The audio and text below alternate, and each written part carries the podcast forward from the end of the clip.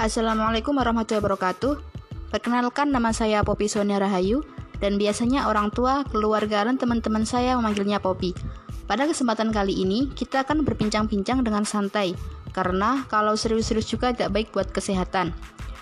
Uh, kita akan melakukan podcast pada kali ini dengan tema bagaimana warga negara muda dan keluarga menangani pandemi COVID-19 di lingkungan.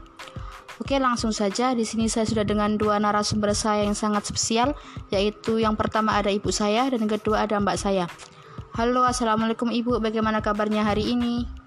Waalaikumsalam. Alhamdulillah kabar ibu sehat. Alhamdulillah. E, karena sekarang kan masih ada pandemi COVID-19 nih Bu. Terus saya mau tanya-tanya nih sama Ibu tentang e, bagaimana cara untuk menekan penyebar luasan pandemi COVID-19 di lingkungan. Oke, langsung saja ke pertanyaan yang pertama, yaitu bagaimana upaya Ibu untuk menekan penyebar luasan pandemi COVID-19 terutama di lingkungan tempat tinggal Ibu. Kalau menurut Ibu sendiri, cara untuk menekan penyebar luasan pandemi COVID, ya Ibu mematuhi protokol kesehatan dari pemerintah yaitu dengan memakai masker setiap keluar rumah dan rajin mencuci tangan. Oh, jadi cara ibu saya untuk menekan penyebar luasan pandemi ini dengan cara mematuhi protokol kesehatan ya, Bu? Iya. Oke, langsung ke pertanyaan yang kedua, yaitu selama masa pandemi COVID-19 ini, apa saja yang telah Ibu lakukan untuk menjaga kesehatan Ibu dan juga kesehatan keluarga? Yang ibu lakukan untuk menjaga kesehatan tubuh ya dengan makan makanan yang bergizi seperti sayur-sayuran. Ini ibu mewajibkan untuk memasak setiap hari terus juga rajin olahraga. Oh jadi cara untuk uh, menjaga kesehatan tubuh kita harus makan makanan yang bergizi.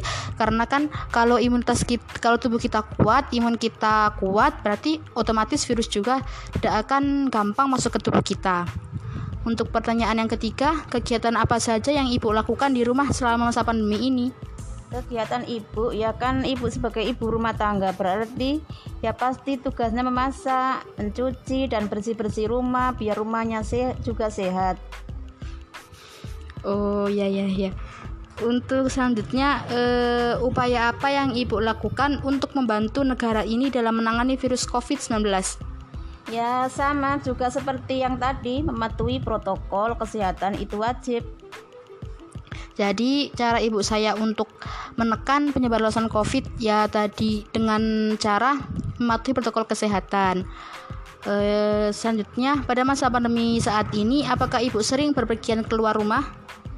Kalau ibu sewaktu pandemi ini jarang ya keluar rumah. Kalau keluar rumah itu juga ada kepentingan seperti ke pasar. Nah ini kan penting. Kalau tidak ke pasar ya tidak makan. Pokoknya tidak keluar rumah jika tidak ada kepentingan itu saja.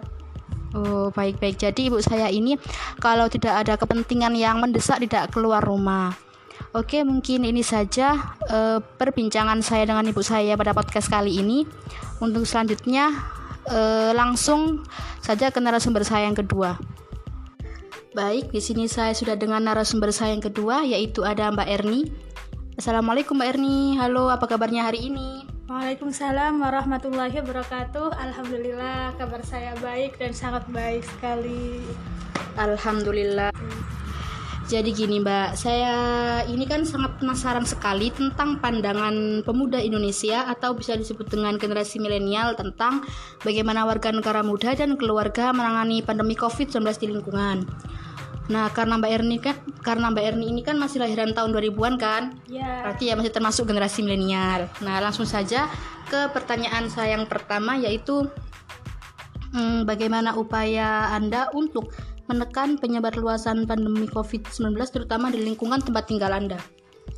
Upaya saya untuk menekan penyebar luasan pandemi COVID-19 terutama di lingkungan tempat tinggal saya yaitu dengan saya stay at home di rumah dengan tetap mematuhi protokol kesehatan. Kemudian saya juga menghimbau kepada tetangga-tetangga atau rakyat sekitar untuk selalu stay at home, stay safe and stay healthy.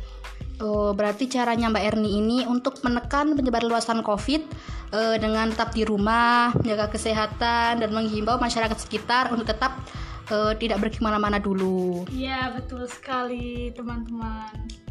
Oke, langsung ke pertanyaan yang kedua. E, selama masa pandemi COVID-19 ini, apa saja yang telah Mbak lakukan untuk menjaga kesehatan tubuh? Hmm.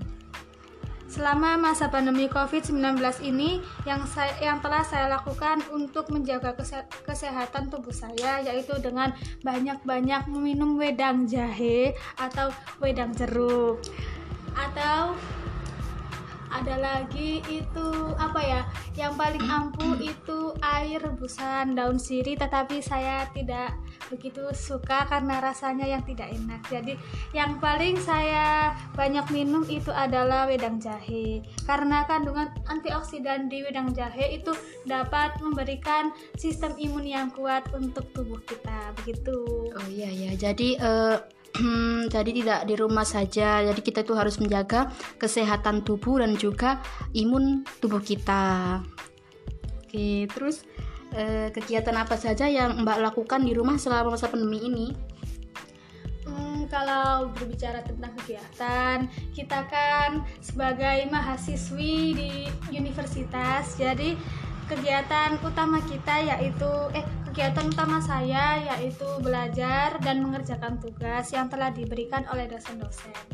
Jadi kegiatan yang paling dominan di rumah yaitu mengerjakan tugas, kemudian saya juga membantu menyapu, mengepel, membersihkan halaman, kemudian ya ada kegiatan-kegiatan seperti webinar gitu.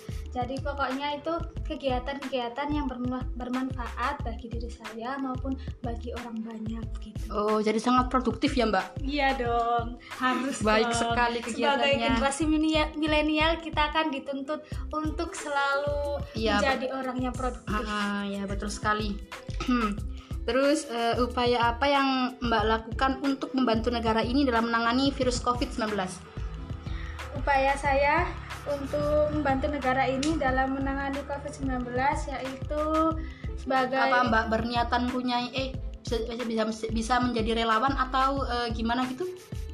Ya, kalau menjadi relawan, saya itu kalau menjadi relawan inginnya jadi relawan dari yang terkecil dulu misalnya itu menjadi relawan untuk penyuluhan di desa ini begitu jadi apa ya dari tempat tinggal kita terlebih dahulu untuk memulai semuanya itu sehingga semuanya itu bisa merata gitu. Terus upaya saya lagi itu ya dengan stay at home stay safe and stay healthy. Selagi bisa selagi bisa dilakukan di rumah kenapa tidak Iya iya iya ya. Berarti uh, sekarang ini kita belum dianjurkan untuk keluar rumah gitu guys. Ya nggak boleh jauh-jauh. Jadi harus di tetap di rumah saja, menjaga kesehatan, menjaga imun tubuh gitu.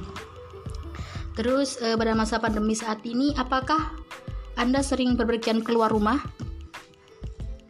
Hmm, sebenarnya sebelum masa pandemi atau sesudah masa pandemi itu saya lebih sering di rumah. Karena apa ya? Banyak tugas juga. Terus ya saya lebih nyaman di rumah karena rumahku adalah surgaku. Seperti kata pepatah-pepatah yang dulu begitu ya. Oh iya baik sekali ya menganggap rumah sebagai surga. Emang gitu sih ya. Rumah itu surga kita. Iya terus ada lagi itu ya. Bagaimana kalau kita ada pekerjaan yang menuntut kita untuk keluar rumah itu kita harus tetap melakukan eh, menjaga protokol kesehatan yang sesuai dan yang dianjurkan oleh negara dan pemerintahan sehingga kita tidak akan sampai terpapar oleh COVID-19 begitu. Oke, baik sekali ya caranya Mbak Erni untuk menekan penyebar luasan COVID-19 ini di lingkungan sekitar atau bahkan e, untuk membantu negara Indonesia. Oke, mungkin ini saja e, perbincangan kita kali ini.